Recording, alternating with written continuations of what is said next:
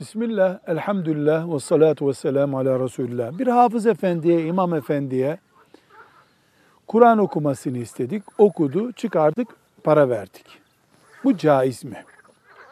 Eğer biz mesela 100 dolarlık Kur'an okur musun deyip yaptıysak bunu, Kur'an'a fiyat biçtik, nauzu billah, bu tehlikeli. Hayır, Hafız Efendi okudu, memnun olduk, biz de ona bir bahşiş verdik. İnşallah bir sıkıntı yoktur. Velhamdülillahi Rabbil Alemin.